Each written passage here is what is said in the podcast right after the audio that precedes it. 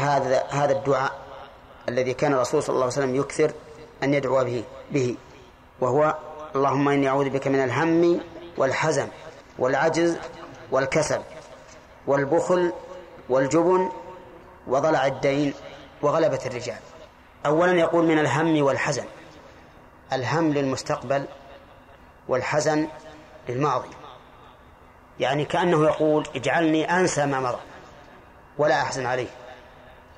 واجعلني لا أهتم كثيرا في المستقبل إلا ما يتعلق بعملي الحاضر الذي لا بد منه. لأن الإنسان إذا كان يخطط لمستقبل بعيد ويتعب نفسه في ذلك ربما تضيع عليه مصالحه الحاضرة.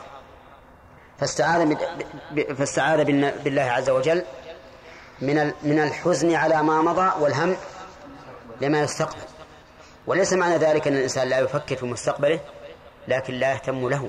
لا يقول والله أنا أخشى أني أسافر هذه المرة لطلب الرزق وأخسر.